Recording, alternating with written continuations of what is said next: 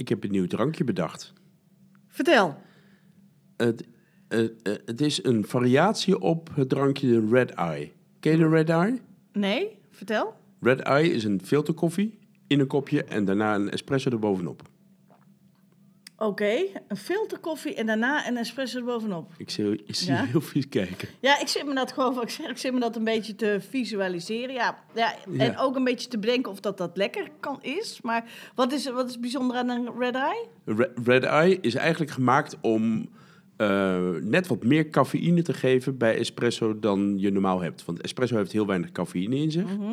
Maar die filterkoffie geeft heel veel cafeïne. Dus om eh, echt rode ogen te krijgen van het lang wakker blijven. Dat idee. dus maar ja. eh, daar is mijn drankje niet voor bedoeld. Nee, oké. Maar wat heb jij dan bedacht? Ik heb de. eh, ik maak. Ik heb nog geen naam ervoor. Dus ik. maar goed, het is een long black. Mhm. Ja, dus een espre- espresso hoeveelheid water in een Mhm. kopje. En dan espresso erbovenop. Ja, Dus 1-1. ja. En vervolgens nog een espresso erbovenop. Oké, het dus een soort gekke 1 is- tweetje. Een soort 1... Nee, nee, het is niet helemaal 1 tweetje. Want 1 tweetje is espresso hoeveelheid water. En dan in één keer dubbel espresso erbovenop. Ja, Maar dit is een 1 plus 1 plus, plus 1. 1. En En 1 wat, plus 1 plus 1 is 3 natuurlijk. ja. en, wat, en wat is het verschil? Wat, Ja, het, het is bizar, maar ik heb hem nou echt een paar keer gezet. En iedere keer wordt hij heel zoet. En romig en zacht. Mhm. Het is helemaal niet bitter. Het is, het is juist heel, heel rijk en heel vol. Het is een hele mooie drank. Ja. En, en hoe zou je hem noemen? Ik, ik, ik, ik heb nog geen naam ervoor.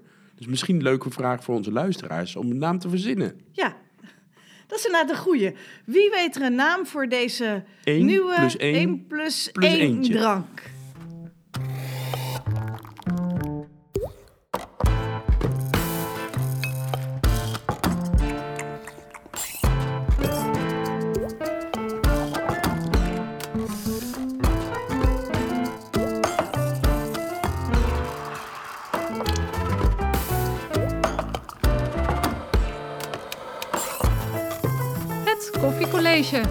Podcast waarin je alles leert over koffie.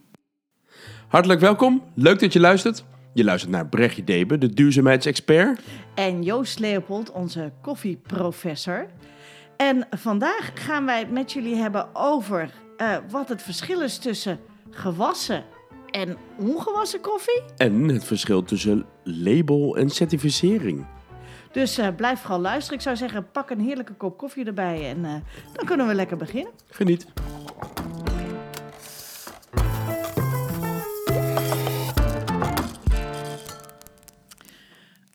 Joost, eh, eh, je hebt net een heerlijke ehm, eh, nieuwe koffie neergezet. Ja, die Of, 1-1-1. de- Die 1 plus 1 plus Ja. 1 koffie, waar we nog geen naam voor hebben. Ehm, maar wat voor koffie heb je daarvoor gebruikt? Want ik moet zeggen, ik vind hem echt heel erg lekker. Ah, super. Dat is mooi om te horen. Ehm, ik heb daar een, een lichtgebrande Panna Maria voor gebruikt. Oké. Van bootkoffie. Oh ja, dat vind ik sowieso altijd wel een hele lekkere, dat is ook een wel hele goede, ja. ma- absoluut. makkelijke koffie volgens ja, mij. ja, het is een hele toegankelijke koffie. Ja. Veel mensen vinden heel veel smaken daarin terug die ze heel lekker vinden. Ja. Ja, En kan je me iets vertellen over die koffie? ja het is een eh, koffie uit Panama. Eh, wat de naam ook zegt. En eh, van de plantage van Maria. Vandaar de naam Panna Maria. Oh ja. En ja. Panna Maria Logisch.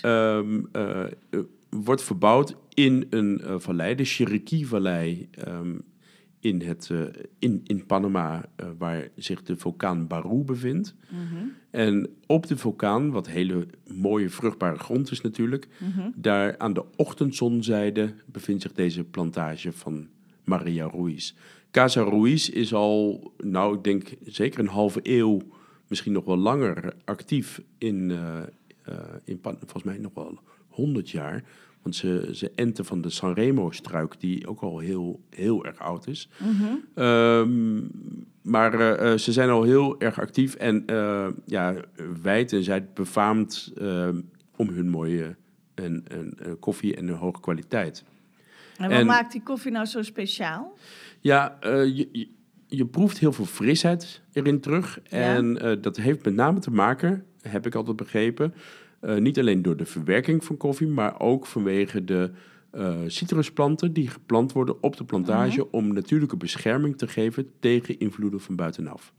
Koffie kan, zoals je weet, niet goed tegen overmatig eh, zonlicht, eh, Mhm. regenval en, eh, eh, en, en hoge temperaturen. Mhm. En de schermplanten, eh, die als een soort parasol als het ware over de koffieplanten heen staan, Ja. die beschermen de planten daartegen. Nou, die schermplanten zijn citrusplanten. Ja. En die citrus, citrusplanten die dragen vrucht, die vruchten vallen op de grond en die geven natuurlijke bemesting aan de koffieplant. En zo krijg je die citrussmaak van die schermplant terug in de koffie. En is dat iets typisch van koffie in Panama eh, algemeen? Of is dat echt iets van Ik, deze... ik, ik ken het alleen van deze, deze specifieke plantage. Ehm, en, en, het blijkt dus heel goed te werken. Die smaken blijken dus heel Mhm. mooi, eh, mooi samen te gaan. Ja. Maar ik weet ook dat er een, een klein deel van de plantage, eh, Ja. in een hoekje ergens linksachter bij het derde struikje, Ja. dat idee, daar bevindt zich de Panama Jacobo plantage. Oké. En, en daar worden de plantjes geknuffeld, als het ware. Het knuffelhoekje. Het knuffelhoekje. Ehm, Special treatment. precies. En, eh, eh, en Panama Jacobo is eigenlijk een eerbetoon aan Jacob Boot.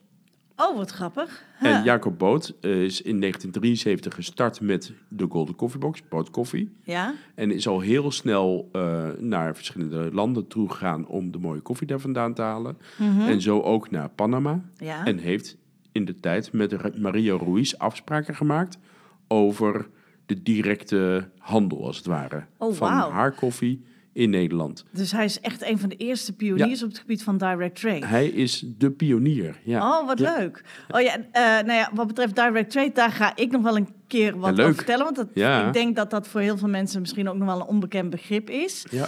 Ehm, en ik heb nog wel een vraagje. Is, is de koffie die, die, eh, die we nu drinken, is dat gewassen of ongewassen? ja, is gewassen koffie. Oké. Gewassen koffie. Dus eh, Ja, eh, vandaar dat, ik, ja. Dat die ook vandaar dat je... iets toegankelijker is. Kijk, eh, als je gewassen bent, ben je lekker fris. Dus je... Ja.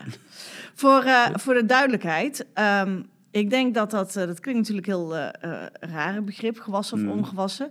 Ik denk dat voor heel veel mensen het ook Het, nog het heel... heeft niks met schoonmaken Nee, te maken. nee, het heeft niks met schoonmaken te maken. Maar zou jij misschien kunnen vertellen wat het verschil is... of Ja. wat dat dan eigenlijk wel is, dat gewassen en dat ongewassen koffie? Ja, ik ga je erover vertellen.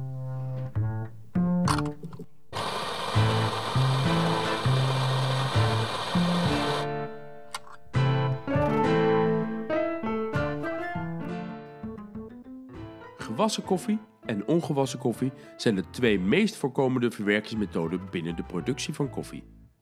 Gewassen koffie is niet schoner dan ongewassen koffie, al heeft het smaakprofiel wel raakvlakken met deze associatie. Gewassen koffie smaakt wel frisser dan ongewassen koffie. Maar hoe zit het nou met die verwerking? Nou, je moet weten dat de koffiebonen niet in peulen groeien, zoals tuinbonen, maar eigenlijk pitten zijn van een koffiebes. Een bes heeft de grootte van een kers, maar waarbij bij de kers juist één pit diep in het binden zit, zitten er twee pitten in een koffiebes en is er slechts een kleine hoeveelheid vruchtvlees aanwezig. Van de kers geeft het vruchtvlees de smaak, maar, bij de koffie gaat het om de pit. De koffiebes bestaat uit verschillende lagen voordat de koffiebonen bereikt worden. De schil, waaraan je door de kleur kan zien of je bes onrijp, rijp of overrijp is. Groen, rood of, over, of, of, of paars of zwart zelfs. Het vruchtvlees, de smaak ervan is als honing, zo zacht en fris. De pectinelaag, ook wel de suikerlaag, die verantwoordelijk is voor de suikers in het vruchtvlees en ook in de boon. En dan de pergamino. Pergamino is ook wel de zaadrok. Een hoesje als het ware om de pit heen. De laatste beschermlaag voor de pit. Dan, als je dat weghaalt, zie je een zilvervlies. En dit vlies, net zoals rijst eigenlijk een zilvervlies heeft. Dit vlies komt vanuit het binnenste van de boon en is er helemaal omheen gevormd. Vervolgens de koffieboon zelf. En daarna zie je ook nog een nerf. Bij Arabica is die gekromd als een glimlach. En bij Robusta als een rechte lijn. De pectinelaag. Die is belangrijk, want die is verantwoordelijk voor de hoeveelheid suikers die aanwezig zijn in de boon. De pectinelaag kan eraf geweekt worden, met als resultaat dat er weinig suikers te proeven zijn in de boon. En de pectinelaag kan ook karamelliseren, waardoor de suikerkristallen in de boon trekken. Wanneer de pectinelaag eraf weekt, geweekt is, spreek je over de gewassen methode. In het geval van karamellisatie van de pectinelaag spreken we over de ongewassen methode. Ongewassen verwerking wordt ook wel natural genoemd. Vaak zie je dat ook staan op koffieverpakkingen. Dit waarschijnlijk vanwege het feit dat deze methode van oudsher de enige methode was om koffie te verwerken. Koffie is in de 7e eeuw ontdekt en in de 20e eeuw is pas de gewassen verwerking ontdekt en populair geworden. En toen is er pas een verschil gekomen tussen gewassen en ongewassen. De natural of natuurlijke verwerking van de boon vindt plaats in de zon. Doordat de zon warm is, droogt de koffiebes uit, waardoor het vruchtvlees en de pectinesuikers indrogen in de pit. Middels zogenaamde hullingmachines, ontpellers, wordt de boon ontdaan van de pergamino, weet je wel, die zaadrok, en het schilletje. Zo, uh, nu hou je de boon over, welke alleen nog het zilvervlies om zich heeft. Aan het zilvervlies zie je door de verkleuringen um, uh, hoeveel suikers in de boon terecht zijn gekomen. Doe je deze pit nou in je mond, dan proef je dat. Dan proef je die suikerlaag, vergelijkbaar met de korreltjes rietsuiker op je tong. Deze verwerking duurt lang, gemiddeld zo'n 4 weken, maar is relatief goedkoop. Je hebt namelijk alleen de zon nodig. Natuurlijk zijn er wel kosten van het materiaal, zoals verhoogde bedden, waar de bessen goed kunnen ventileren zodat rotting voorkomen kan worden, maar dat is een eenmalige kostenpost. De gewassen methode is een stuk arbeidsintensiever en kost veel meer. Voor het laten fermenteren van koffiebessen worden doorgaans net zulke grote badkuipen gebruikt als je tegenkomt in een zwembad. Hierin wordt vers bergwater gepompt, waar de ontpulpte koffiebonen daarna liggen te weken nadat ze van hun schil ontdaan zijn in de ontpulper. Het fermenteren in water vindt plaats gedurende maximaal drie dagen. Doordat de pectine van de pit afweekt, gaat de pit steeds houtiger smaken. Wanneer je het water zou proeven, ja, dan proef je heel veel zoetheid, net zoals limonade. Maar pas op, het, kunnen heel veel schimmels in zitten. En die schimmels kunnen zelfs giftig zijn. Een koffieboer komt dan met een lange stok en die roert door de koffiebonen heen. Roert door zijn soep, net zoals een heks als het ware eh, met een pollepel door de, door de soep roert. Af en toe tilt hij de stok op en wanneer hij ziet dat de koffiebonen aan de stok blijven kleven, betekent dat dat de bonen nog verder moeten fermenteren. Dat betekent dat het nog steeds vruchtvlees aan de pit zit. Maar wanneer hij aan het roeren is en het tilt de stok op en alle bonen vallen er vanaf, dan weet hij dat het klaar is en dat de schuiven open kunnen. De schuiven van de badkuip gaan open en alle, uh, uh, al het water spoelt weg en daarmee ook alle boontjes spoelen weg. Ze spoelen weg door kanalen, lange kanalen. En het zijn er, uh, zijn er ongeveer vier. Dus een kanaal en dan een vertakking en dan weer een kanaal en dan weer vertakking, weer een kanaal. Ieder kanaal bevindt zich op een andere hoogte. Dus het eerste kanaal is hoger dan het tweede kanaal. Zo stuwt het water als het ware, door de zwaartekracht, steeds lager. Aan het eind van ieder kanaal bevindt zich een lage damwand. En alle boontjes die naar de bodem zakken en achter die damwand blijven liggen, die zijn hoog in kwaliteit. Alle boontjes die drijven en naar het volgende kanaal gaan, die zijn lager in kwaliteit. Zo vindt al een eerste kwaliteitsselectie plaats. De bonen hebben vervolgens drie dagen de tijd nodig om in de zon in te drogen. Um, want ze moeten terug van 70% vochtigheid naar ongeveer 10% vochtigheid om uh, geëxporteerd te kunnen worden. Dit drogen gebeurt op de verhoogde bedden, of in een droogschuur of in een droogoven. Het laatste is wel heel snel, sneller dan drie dagen natuurlijk, maar je verliest heel veel kwaliteiten wanneer je koffie te snel indroogt. Binnen deze verwerkingsmethode bestaan er natuurlijk ook mengvormen. Zo kan je de bonen kort laten fermenteren in water om ze vervolgens in de zon te leggen. Dit gebeurt vaak in Kenia. Dit is de semi-washed methode, waarbij je ervoor zorgt dat de boon wel zijn zoetheid behoudt, maar met een fris karakter. Dit is het verschil tussen gewassen en ongewassen koffie.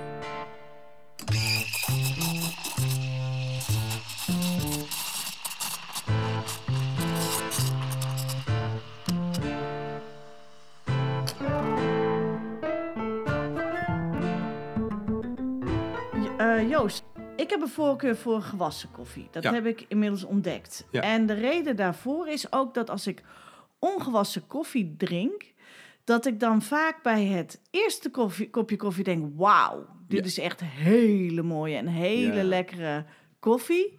En dan ga ik het tweede kopje drinken. Ben je verzadigd? En dan ben ik, ja, ben ik verzadigd. Ja. En dan kan het zelfs ook af en toe een beetje dat ik daar, ja, als, eh, dat kan een beetje, ja, misselijk klinkt een beetje lullig, maar Mhm. Eh, ja, da- da- da- dan voel ik me in één keer minder lekker. Ja. En dat heb ik bij gewassen koffie niet. Ja. En heeft dat nou met smaak te maken? Of heeft, waar, waar denk jij dat dat mee te maken Ja, heeft? ik, ik denk dat dat met. eh, ehm, eh, eh, ik denk dat dat te maken heeft met de smaak. Ehm, maar vooral met de body. De, de body, dat is, Ja, body is stroperigheid, ja, wat je ervaart van koffie.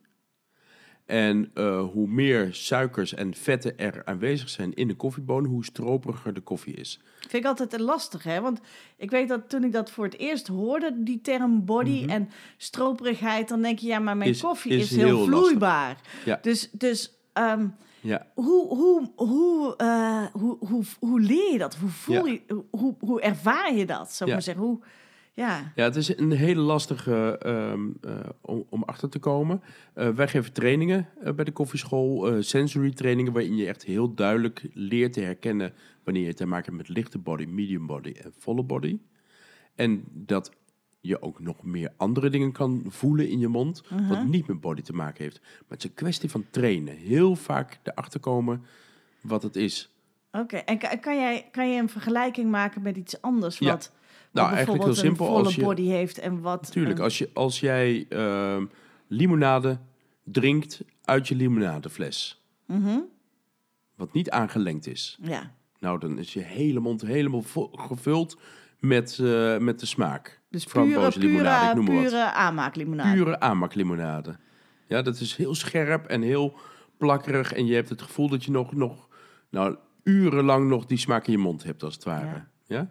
Als je daar een klein beetje water bij doet, dan is die smaak er al sneller weg. En doe je er heel veel water bij, dan proef je nog wel een beetje een hint van framboos als het ware, maar eigenlijk proef je meer Dan wordt het eigenlijk wateriger. Precies. Oké, Dus dus hoe wateriger het is, hoe minder Oh, body het is. Oké, en hoe zit dat dan bij dat gewassen en ongewassen koffie? Wat is het vers- eh, verschil in body daarin? Gewassen koffie is lager in de body dan ongewassen koffie. Er zit meer water. Er zit meer, nou precies. Er, er is Ja. water bij verwerkt. Er is water bij verwerkt. Ja, maar het water zit natuurlijk niet meer in de boon zelf. Nee. Ja, de- dat water is eruit uit, eh, weggedroogd, als het ware. nee, maar het gaat natuurlijk dan niet om het water wat erin zit, maar het gaat meer om hetgeen wat er juist ingekomen is door die suikers en die vetten. Precies, precies. Dus het is door het water weliswaar. Zijn, zijn juist die, die, die, die vetten en zo zijn er afgewassen. Afge- afgehaald, precies. Ja, die suikers zijn afgehaald. Oké. En daardoor proef je hem. minder suiker. Ja, nu Ja. snap ik hem. En, eh, maar dat wil niet zeggen natuurlijk dat hij minder zoet is. Ehm, nee, de zoetheid wordt bepaald eigenlijk door de kwaliteit van de bonen.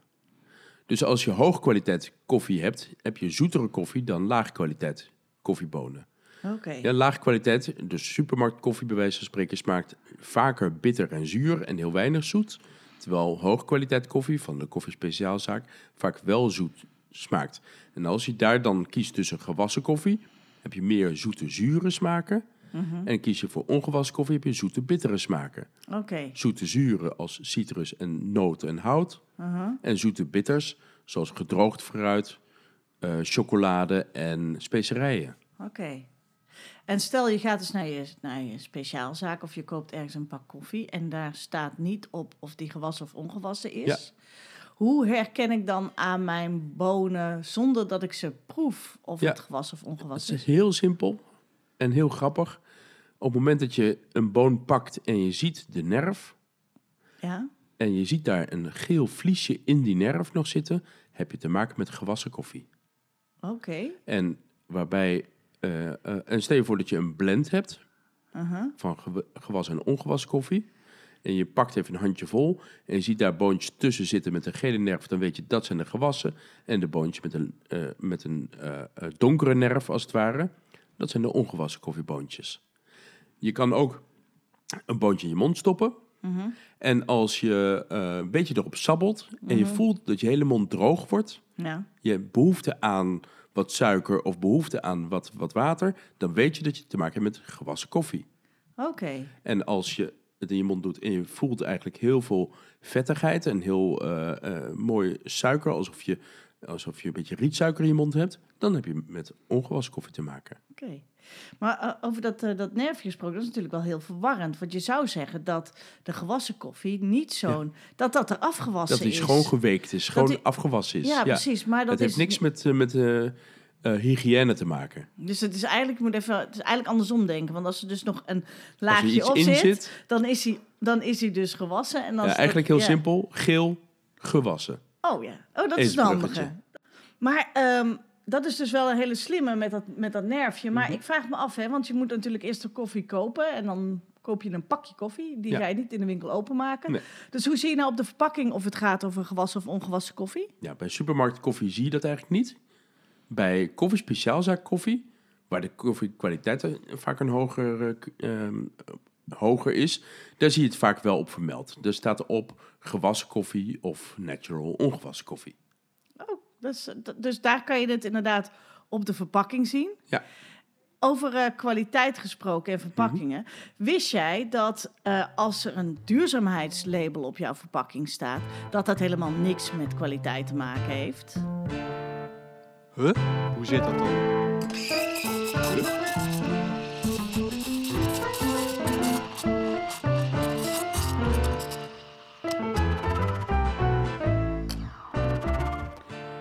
Wanneer je je boodschappen in de supermarkt doet en je graag duurzame producten koopt, dan ligt het voor de hand om een koffie te kopen met een duurzaamheidslabel erop.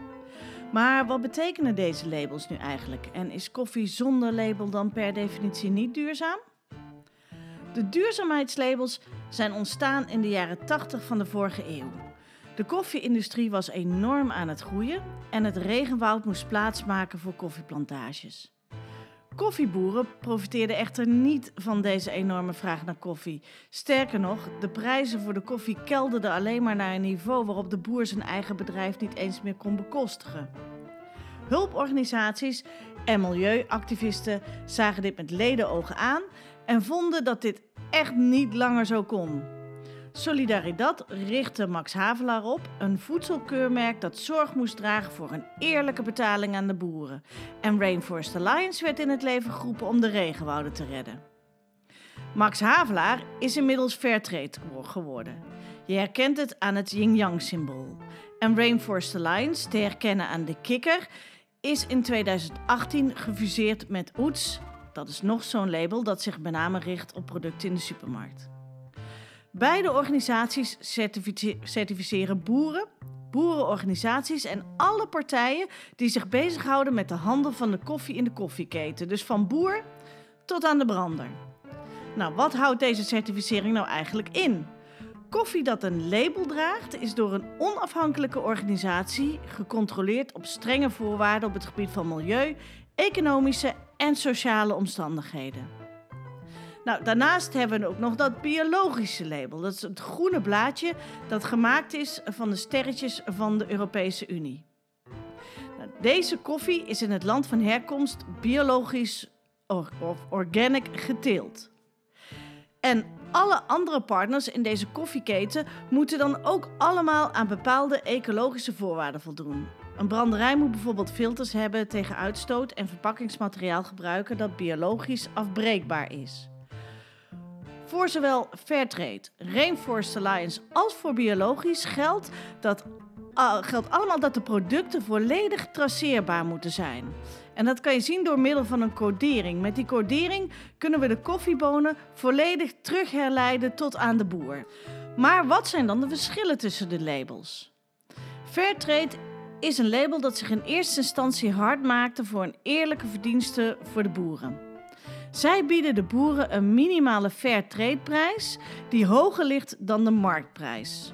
Dit is een soort vangnet. Als de marktprijs lager ligt dan deze vastgestelde prijs, dan krijgen ze dus deze Fairtrade-prijs. Ligt de marktprijs hoger, dan krijgen ze uiteraard een hogere prijs. De boeren dienen verenigd te zijn in een democratisch georganiseerde coöperatie, een boerenorganisatie. En aangezien het merendeel van de boeren maar een heel weinig land bezit en weinig geld geeft, heeft om te investeren in de verwerking van koffie, zijn veel boeren dan ook verenigd in een dergelijke coöperatie. Zo'n corporatie draagt doorgaans zorg voor de verwerking, dus bijvoorbeeld ook het wassen van de koffie, maar ook het verhandelen van de koffie. Van Fairtrade ontvangt zo'n corporatie een Fairtrade premie bovenop de prijs voor de boer.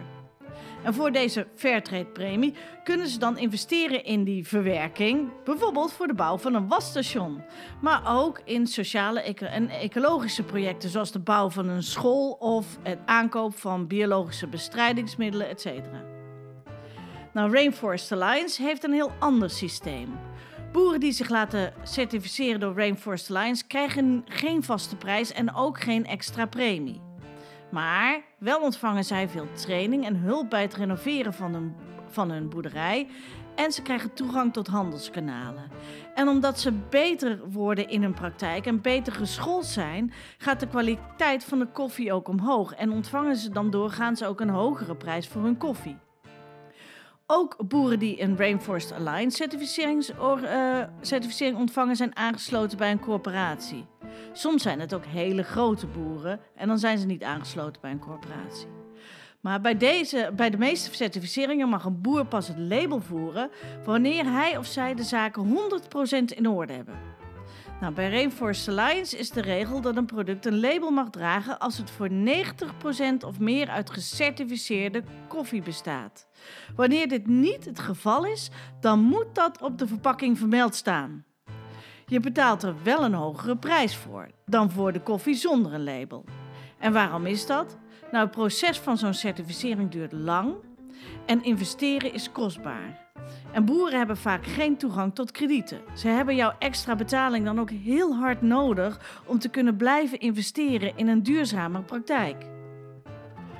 Voor koffie met een biologisch keurmerk is een certificeringstraject misschien wel het meest intensief. Hier geldt namelijk de harde eis dat koffie een dergelijk keurmerk pas mag dragen als een boer minimaal drie jaar volledig biologisch boert, oftewel geen chemische bestrijdingsmiddelen gebruikt. En dat heeft weer te maken met het feit dat het een aantal jaar duurt voordat alle gifstoffen uit het milieu, uit de grond verdwenen zijn. En niet alleen zij moeten de zaak goed op orde hebben, maar ook de omgeving van de boer moet schoon zijn. Kortom, je laten certificeren is niet altijd eenvoudig voor boeren. Het verkrijgen van een certificaat voor alle partijen in de keten is tevens een heel kostbaar proces. En vooral voor boeren is dit vaak een hele grote investering. En eigenlijk ook wel een hele risicovolle investering. Want voor jouw koffie wordt misschien uiteindelijk wel iets meer betaald, maar je concurreert wel weer met die goedkope koffie. En het is dus dan maar de vraag of alles wel verkocht wordt.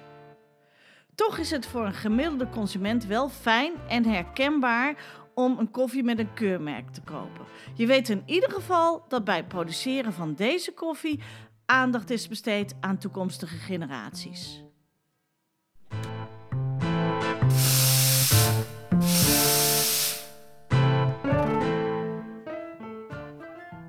Oké, dus als koffie duurzaam is, zit er een label op. Toch? Hoe? Ja? Uh, in de supermarkt wel. En uh, er zijn maar weinig supermarkten waar uh, koffies te koop zijn die duurzaam zijn zonder een label. Dus in, okay. als jij naar de supermarkt gaat en je wil een duurzame koffie kopen, dan adviseer ik je om een koffie te kopen met een label erop. Maar het is natuurlijk niet zo uh, dat, uh, dat er geen. Ik bedoel, er staan, bestaan ook koffies die ook duurzaam zijn zonder label. En dat zijn koffies die je dan weer bij je koffie speciaalzaak oh ja. koopt. Dus uh, als jij naar een koffie speciaalzaak gaat, of rechtstreeks bij een koffiebrander of online bij een koffiebrander jouw koffie koopt, dan is de kans dat die koffie, waar je over het algemeen ook wat meer voor betaalt dan de koffie in de supermarkt, dat die koffie ook duurzamer geproduceerd is dan uh, de labelloze koffie uit de supermarkt. Of misschien zelfs nog wel duurzamer geproduceerd is dan een koffie met een label in de supermarkt. En, en waar herken je dat dan aan? bij de koffiespeciaalzaak? En dat is natuurlijk heel moeilijk, want het is niet te herkennen. Je kan niet eh, exact zien eh, aan je pakje koffie wat ermee gebeurd is.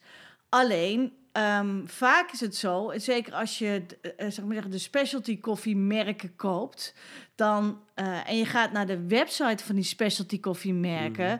dan staat daar over het algemeen ook een verhaal over de herkomst van de koffie. En als dat duurzaamheid daarin ook een grote rol speelt, dan, dan, dan vermelden ze dat ook. En eh, dus, dus je, eh, dan staat er vaak ook op: wij hebben hier een eerlijke prijs voor betaald naar de boer toe.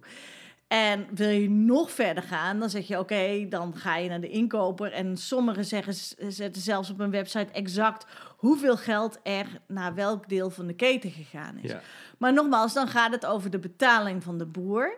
En dat zegt nog niet altijd alles over hoe duurzaam die geproduceerd is. Dus over de ecologische omstandigheden van, eh, van het gebied waar de koffie geproduceerd Ja. is. Ja. Oké. eh, en als in de koffiespeciaalzaak koffie heel veel rechtstreeks wordt gekocht... en Mhm. koffie uit de supermarkt dus ehm, via tussenhandelaren... want eh Fairtrade is dan ook zo'n tussenhandelaar, denk ik. Nou, Fairtrade is, is, ehm, niet, het is geen handelaar. Fairtrade is een certificeerder. Maar het is wel een instantie die er tussenin zit. ja, het, eigenlijk, ja, ik zou bijna kunnen zeggen, die zit een beetje naast. Maar dan betaalt de brander dus ook die Fairtrade-organisatie. Ja. Ja, in principe, iedereen, zoals ik al zei, iedereen in de koffieketen betaalt die Fairtrade-organisatie. Dus als jij als brander een logo... Maar die, die wordt daar dan hartstikke rijk van, toch?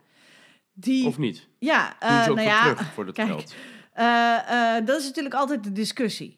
Want hè, de Fairtrade-organisatie is een grote organisatie en eh dat kost natuurlijk allemaal heel veel geld. En is het dan ook daadwerkelijk zo dat die boeren echt daadwerkelijk een eerlijke prijs krijgen, et cetera, et cetera. Mhm. Ehm, en dat, daar zit natuurlijk wel een kern van waarheid in. Want eh, zowel Rainforest Alliance als eh, voor Fairtrade werken gewoon heel veel mensen. Maar die doen dat natuurlijk ook weer niet voor niks. Nee, ze doen ook wel wat voor terug. Ze doen er wat voor terug. Want als je naar bijvoorbeeld het voorbeeld van Fairtrade. Fairtrade was vroeger alleen maar in de wereldwinkels te Ja. koop. Ja. En eh, daarmee hadden ze eigenlijk een hele beperkte afzetmarkt. En als boeren dus dan inderdaad Fairtrade koffie hadden, dus dat hun koffie op orde was, dan hadden ze niemand die het afnam, behalve dan die paar eerlijke winkels. Ja. Dus ja, dus moet die koffie ook verkocht worden. En om die koffie dus inderdaad te verkopen, heb je dus mensen nodig die zorgen dat die koffie daadwerkelijk in de supermarktschappen terechtkomen. En daarnaast dat er consumenten zijn, zoals jij en ik, Mhm. die denken: hé, hey, ik vind het belangrijk. Ik, wil, eh, ik, wil, ik vind het belangrijk om, om rekening te houden met, de- met, de- Ja, met de omgeving. Dus, is het dus, dus voor de marketing en voor de verkoop is het heel belangrijk dat er mensen zijn die ook zorgen dat er een bewustwording is voor die koffie. Ja. Want anders zitten wij direct met een enorme bulk aan gecertificeerde koffie die niet verkocht wordt. En daar wordt een boer helemaal niet rijk van, want iets wat niet verkocht wordt, daar krijgt hij ook geen geld voor. Ja. Dus, dus die organisaties zijn er voor de marketing en voor de bewustwording van de consument heel belangrijk. Maar daarnaast zijn die organisaties niet alleen bezig met een eerlijke prijs betalen voor de boer. Bijvoorbeeld de Fairtrade is niet alleen maar, het gaat niet alleen maar om die Fairtrade prijs, maar het gaat om, ook om het extra wat ze bieden. Dus de, de technische ondersteuning, training. Oh, Ja. eh, Fairtrade eh, heeft onder andere ook de Climate Academy voor boeren Oh, ja. eh, opgezet. Weet je wel? Dus eh, de, eh, andersoortige sociale projecten. Dus er gaat ook heel veel geld, los van dat Fairtrade, gaat er ook heel veel, gaat er ook geld naar dat soort initiatieven. Ja. En dat zie je bij Rainforest Alliance nog meer. Die zijn echt, die, die, die zijn heel erg bezig. Die geven dan weliswaar niet direct het geld aan de boer. Mhm. Maar die zorgen wel dat die boer echt een gezonde, duurzame koffieboerderij op kunnen zetten. En dat doen ze door training en door interventies en door, eh, nou ja... Het klinkt wel heel mooi. Ja, Ja, dus maar eh, eh, ik, ik heb begrepen, met, als je chocola koopt bijvoorbeeld, was het heel lang zo dat ehm, eh, al was het maar 10% eh oets gecertificeerd, dan mocht de hele chocolade eh, het logo dragen en werd er meer geld voor gevraagd. Ja, dat, dat, was, dat was vroeger zo. zo, zo in ieder geval, het systeem was, was voorheen zo. Dat eh, een boer die in een traject zat, dat, was Mhm. voor, dat geldt voor Rainforest Alliance en voor OETS, als je in een traject zat van certificering, dan mocht je al het label dragen. Dus dat Ja. betekent ook aan het begin van het traject, dus als je maar 10% gecertificeerd was. Maar dat is sinds 2020 veranderd Ah, door die fusie.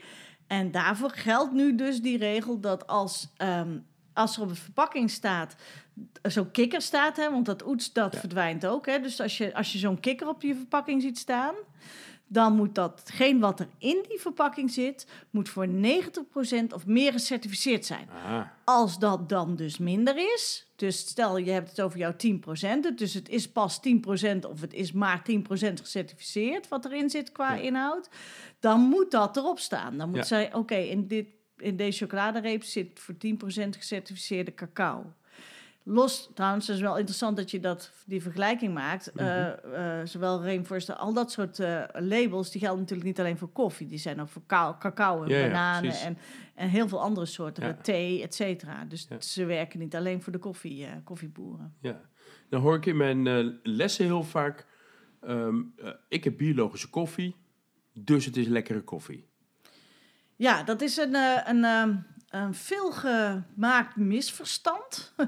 In zoverre dat, en dat, ik, ik snap dat ook wel. Want als ik ehm, naar de biologische slager ga en ik, ik koop daar mijn vlees, dan is dat, vind ik over het algemeen, ook veel smaakvoller dan het vlees wat ik in de supermarkt koop. Ja.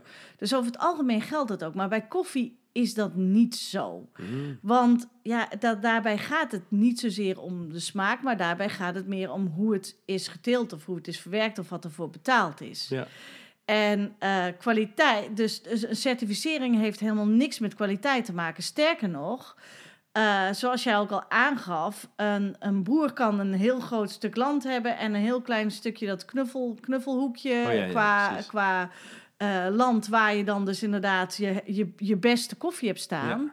Maar zijn hele grondgebied is gecertificeerd. Ja.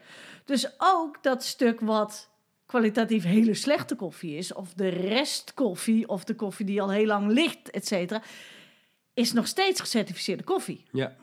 Dus die mag je ook als gecertificeerd verkopen.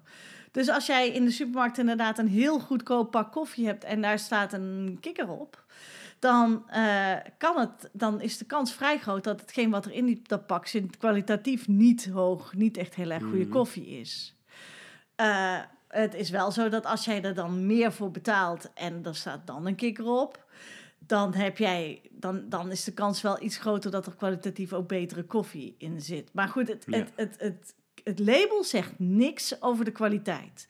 En dat geldt zowel voor biologisch als voor Fairtrade als voor eh, Rainforest Alliance. En hoogwaardige kwaliteitskoffie bij de koffiespeciaalzaak met een label is kers op de taart. Als. Eigenlijk wel, ja. Als je dat vindt, en er zijn eh, specialty branders die dus inderdaad gecertificeerde koffie ook verkopen, maar meestal gaat het dan over E- het, eh, denk Eh, want eh, de, de, ja, zij werken vaak niet met, eh, met partijen, of ze, zij, ze, ze doen niet meer aan, aan de, aan de hoe heet het, Fair trade, Fair of- Trade of, of Rainforest Alliance. Meestal staat eco-label erop. Dat is dan eigenlijk wel inderdaad kers op de taart. Als je, dan weet je dat er zowel een goede prijs voor betaald is, omdat Als het, dat het lekker is. als dat het lekker is, Ja. als dat het ook nog eens ecologisch goed geproduceerd is. Dus dan dat het voldoet aan de, de organic standaarden. Gaan we daar naar op zoek. Lijkt me een hele goeie.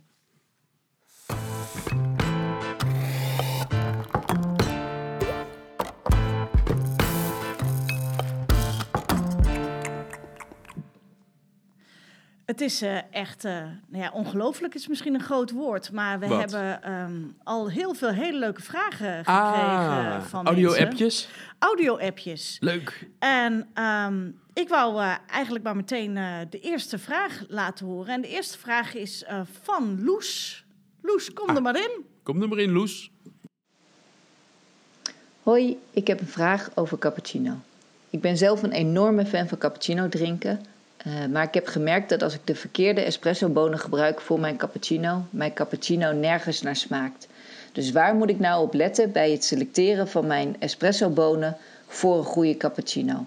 Welke smaak of welk uh, type? Nou, ik hoop dat jullie mijn vraag kunnen beantwoorden. Doei! Wat een leuke vraag, Loes. Ehm, de beste koffie voor je cappuccino. Ehm, dat, is, eh, dat is interessant, eh, omdat eh, bij een cappuccino zoek je eigenlijk een balans. Balans in smaken tussen zuur, zoet en bitter. De melk zelf smaakt fris, zoet. En wat je daar eigenlijk tegenover wil hebben is een zoet-bittere koffie. Dus als je koffie wat donkerder gebrand is, dan komen er wat meer zoete, bittere smaken vrij. Geeft dat een mooie balans voor je cappuccino. Um, uh, smaken komen ook voor in uh, koffies uit Azië en koffies uit Brazilië. Ongewassen koffie geeft ook meer zoete bitters dan gewassen koffie. Dus je kan eigenlijk niet zomaar elke koffie voor elke drank gebruiken. Uh, gebruik dus specifiek dit soort koffies voor de cappuccino's. Dat geeft de beste balans en de lekkerste smaak. En, uh, Joost, kan je dat ook gewoon zo vragen in een, uh, in een koffiespeciaalzaak? Uh, de koffiespeciaalzaak zel, zal er zelf een keuze voor moeten maken. En misschien ook in hebben gemaakt. Wij adviseren bij de koffieschool, de koffiespeciaalzaken, een keuze te maken voor um, twee molens. Waarbij ze in één molen uh, de koffie doen voor de zwarte koffies en in één molen een koffie doen voor de witte koffies. Maar ik bedoel waar je de koffie koopt. Stel dat jij koffie gaat kopen, dan zeg je van ah. ik wil graag cappuccino, geschikt voor cappuccino, of is dat? Ja, dat, dat, dat zullen ze niet zo heel. Um, ik, ik zou gewoon met die vraag komen van ik wil graag uh, wat stevigere, vollere koffie hebben, zodat mijn cappuccino lekker gaat smaken. Oh ja. Ik hoop, uh, Loes, dat uh, dit uh, het antwoord geeft op jouw vraag. Ehm, we hadden nog een vraag binnengekomen en dat is wel grappig, ja. want die um, sluit eigenlijk heel erg aan bij wat jij in jouw solo hebt besproken, Joost. Dus ik dacht, nou, misschien is het wel handig om deze vraag dan meteen te beantwoorden. Oh, leuk. En hij was van Gideon. En ja, de die heb ik getraind. Ja, ja en ja. die schrijft hij ook. Ja. Uh, want vanuit jouw uh, lessen weet ik dat je graag uh, filterkoffie drinkt. Ja. Heeft hij goed opgelet. volgens mij een ongewassen Ethiopische variant. welke merken zijn ongewassen? ja. ja, eigenlijk nou, hartstikke leuk, Gideon, dat je me de vraag stelt. goed opgelet, want ik hou inderdaad erg veel van Ethiopische filterkoffie. Um, je kan eigenlijk niet zeggen dat er een typisch merk is wat alleen maar een bepaalde verwerkingsmethode uh, biedt. Eigenlijk vrijwel alle merken bieden zowel ongewassen als gewassen koffie aan. Het is wel vaak zo dat de merken uit de supermarkt um, merendeels ongewassen koffie bieden. Mm -hmm. Of dat er een blend is uh, waarbij grotendeels ongewassen koffie in zit. Mm -hmm. uh, en heel vaak zie je zo dat, eh, dat de koffiespeciaalzaken bieden um, uh, gewassen koffie en ongewassen koffie naast elkaar. Dus uh, niet per se vermengd met elkaar. Nee, dus je, dus je moet het eigenlijk gewoon even vragen. Ja, ja. Of, of dus kijken naar de ja. boontjes. Ja, en vaak als het de specialty zijn, dan zetten ze het ook op de verpakking. Dus dan... Precies. Ja. Precies. En wat maakt nou die, uh, die uh, Ethiopië nou zo bijzonder, Joost? Ja, dat is toch het summum. Ethiopische koffie is... De e Ethiopië is het enige land waar koffie in het wild groeit.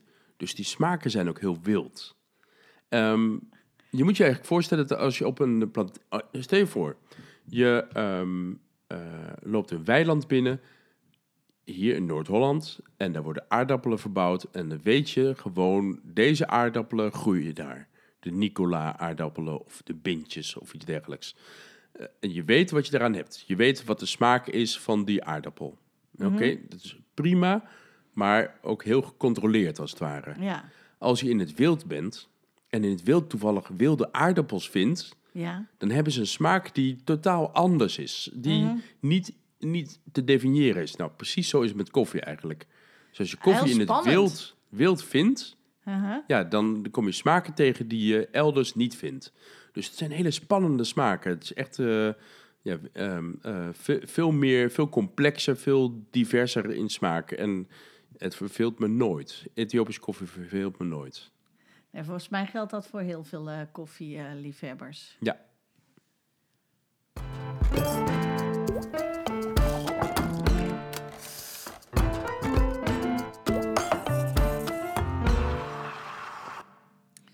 Zo, ik heb eh, weer een heleboel eh, geleerd. Wat jij? Ja, veel geleerd. En eh, ik hoop jij als luisteraar ook, want daar doen we het allemaal voor, voor jou. En we vinden het dan ook heel erg leuk dat je luistert. We kunnen ons ook nog wel voorstellen dat jij misschien nog wel vragen hebt naar aanleiding hiervan. Ja, en stuur die dan, spreek die in in een audio-app. Stuur hem op die audio-app per mail naar het koffiecollege.koffieschool.nl. Hoe doe je dat eigenlijk, een audio-appje? Dat is gewoon volgens mij opnemen op je telefoon en dan Ja. versturen per Via mail. de dictafoon. Ja, precies. Ja, precies. En dan sturen per mail naar eh, het koffiecollege.koffieschool.nl. Ja, wie weet horen we je dan eh, de volgende keer terug in, Ja, eh, in de volgende leuk. aflevering. Weer vragen beantwoorden. Precies. Dat is altijd leuk. En je kan als je geen Ook, zin hebt ook vragen over duurzaamheid. Niet alleen maar over hoe bereid je nou je koffie. En ik snap natuurlijk wel, daar, eh, daar zijn veel vragen over. Maar ook over duurzaamheid of over eh, andere takken van sport. Ja, dat, dat vind ik ook wel leuk. Dan kan ik ook eh, wat vragen Ja, beantwoorden. precies. Dat is weer mijn, mijn kennisgebied. Ja. En nee, je mag je vraag natuurlijk ook altijd gewoon mailen. En ja, als jij het heel erg leuk vond, vertel het vooral door aan iedereen Laat om het je weten. heen. Stuur reviews. schrijf reviews op, op de bekende kanalen. Ook via social media. Ja, ik, ik begreep eh, dat je eh, via iTunes in ieder geval een review kan achterlaten. Ja, En, sterren eh, kan je geven via iTunes. Ja, precies. Daar kan je ook sterren geven. Ik geloof dat dat via de andere kanalen dan weer niet gaat of minder makkelijk. Maar daarvoor is het dan weer heel belangrijk dat je ons volgt Ja. of deelt. zodat wij inderdaad wat sneller tevoorschijn komen in, in de verschillende app stores, laten we het zo noemen. Ja. Eh, en eh, ja, nogmaals, we vinden het superleuk eh, dat je geluisterd hebt. En we hopen je de Yes. volgende week Blijf, weer, blijf luisteren. blijf luisteren. Blijf uitkijken naar de volgende. En blijf vooral hele lekkere koffie zitten. Ja, dat vooral.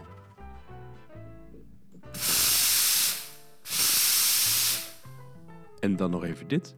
Vriendschap is als koffie. Die moet je niet laten afkoelen.